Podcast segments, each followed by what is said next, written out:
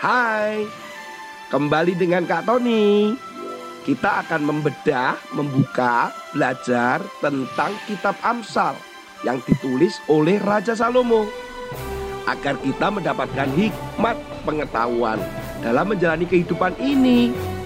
Dibawakan oleh Kak Tony. Tuhan Yesus memberkati.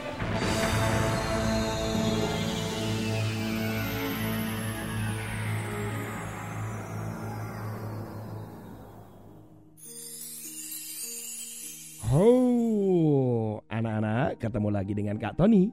Saat ini kita akan merenungkan kembali firman Tuhan. Seperti biasa nih, selalu Kak Tony berbicara dan mengingatkan, buka telinga dan siapkan hati kalian untuk mendengarkan renungan pada hari ini. Nah, anak-anak, ngomong-ngomong masalah kematian. Hihi, kok kemati kematian sih Kak? Kok menakutkan sekali? Tapi ini ada berita nih anak-anak seorang politisi atau orang yang bergerak di politik yaitu bernama Obong. Wah, kok namanya Obong ya? Iya, karena dia bukan orang Indonesia tetapi dia adalah seorang politisi yang berasal dari distrik Lira, desa Adek Ani dan itu berada di Uganda atau di Afrika sana. Nama lengkapnya adalah Charles Obong, usianya 52 tahun. Dia menulis surat wasiat kepada istrinya untuk nanti ketika dia meninggal dunia, tolong, tolong, tolong sediakan uang dan letakkanlah itu di peti matinya dia. Karena dia sudah sakit juga dan benar, kematian pun sudah menjemput dia dan istrinya meletakkan uang di dalam peti mati untuk dikubur bersama-sama dengan Charles Obong. Wah, pasti ada pencuri yang akan mengambil ya. Memang uangnya nggak seberapa sih, tetapi lumayan juga. Sebesar kurang lebih 74 juta. Kemudian di dalam surat wasiat itu ditulis oleh Charles Obong, gunanya apa uang itu? Dan dia berkata bahwa uang itu untuk diberikan kepada Tuhan. Kenapa? Karena dia ingin menyuap Tuhan. Dan supaya Tuhan mengampuni dosa-dosanya dengan memberikan uang 74 juta rupiah anak-anak itu. Pak Obong, Pak Obong, mana bisa Tuhan disuap dan membawa harta yang sebegitu banyaknya. Berbeda dengan Pak Charles Obong, juga ada seorang bapak yang meninggal di daerah Malaysia, tepatnya di Selangor. Pria ini adalah ayah dari anak-anak yang dicintainya. Karena anak-anak sangat mencintai ayahnya, ketika ayahnya meninggal, maka anak-anak mengumpulkan uang dan mengumpulkannya di dalam peti mati ayahnya. Saat itu dikumpulkan hampir 100 juta rupiah anak-anak. Dan ditunjukkan dalam foto memang peti mati itu dipenuhi dengan uang asli yaitu ringgit Malaysia. Tidak disebutkan nama pria tersebut dan tidak disebutkan alasannya. Hanya karena anak-anak mencintai orang tuanya. Wah ini bahaya ya. Pasti tiba-tiba pasti bisa diambil oleh pencuri kan anak-anak. Apakah benar bahwa harta itu bisa kita bawa pergi pulang? Artinya ketika kita meninggal kita bisa membawa pulang harta itu ke akhirat. Nah anak-anak di dalam firman Tuhan dikatakan di dalam Amsal pasal yang ke-11 ayat yang keempat. Pada hari kemurkaan harta tidak berguna. Tetapi kebenaran melepaskan orang dari maut. Betul, betul, betul, betul, betul, betul.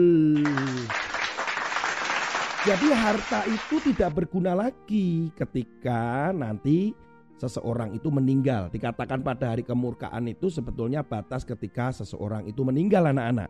Itu nggak berguna lagi. Mau bawa harta seberapa pun kayaknya tidak laku deh di alam sana. Apalagi kita mau menyuap Tuhan.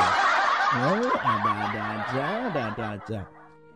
Sama dengan orang Mesir yang membangun piramid.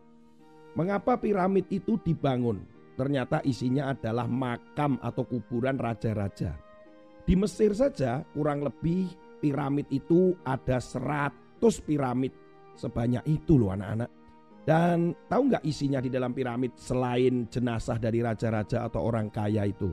Di situ ada harta karun yang banyak sekali ya anak.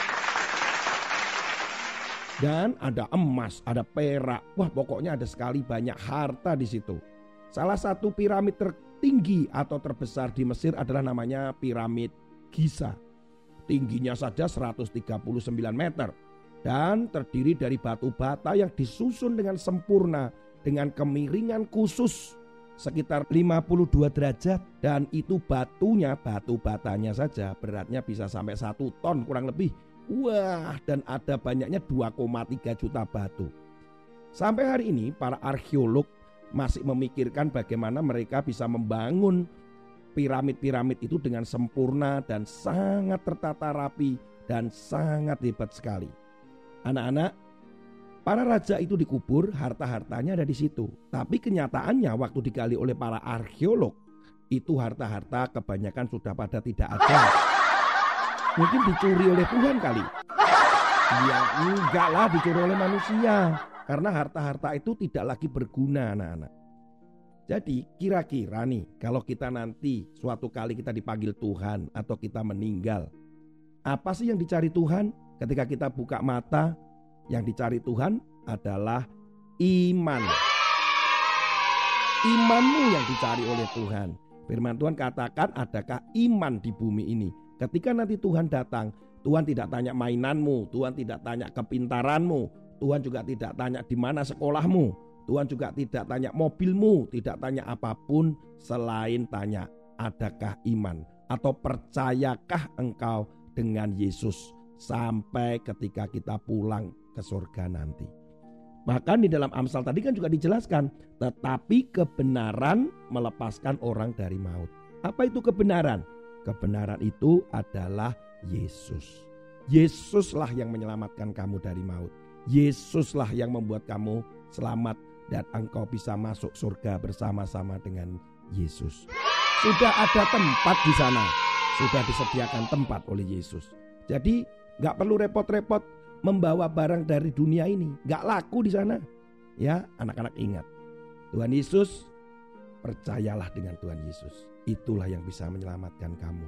Gak usah menyuap-nyuap. Gak usah memberi uang kepada Tuhan. Gak laku. Tuhan Yesus memberkati. Sampai ketemu lagi di kesempatan dan episode yang lain dengan Kak Tony. Haleluya.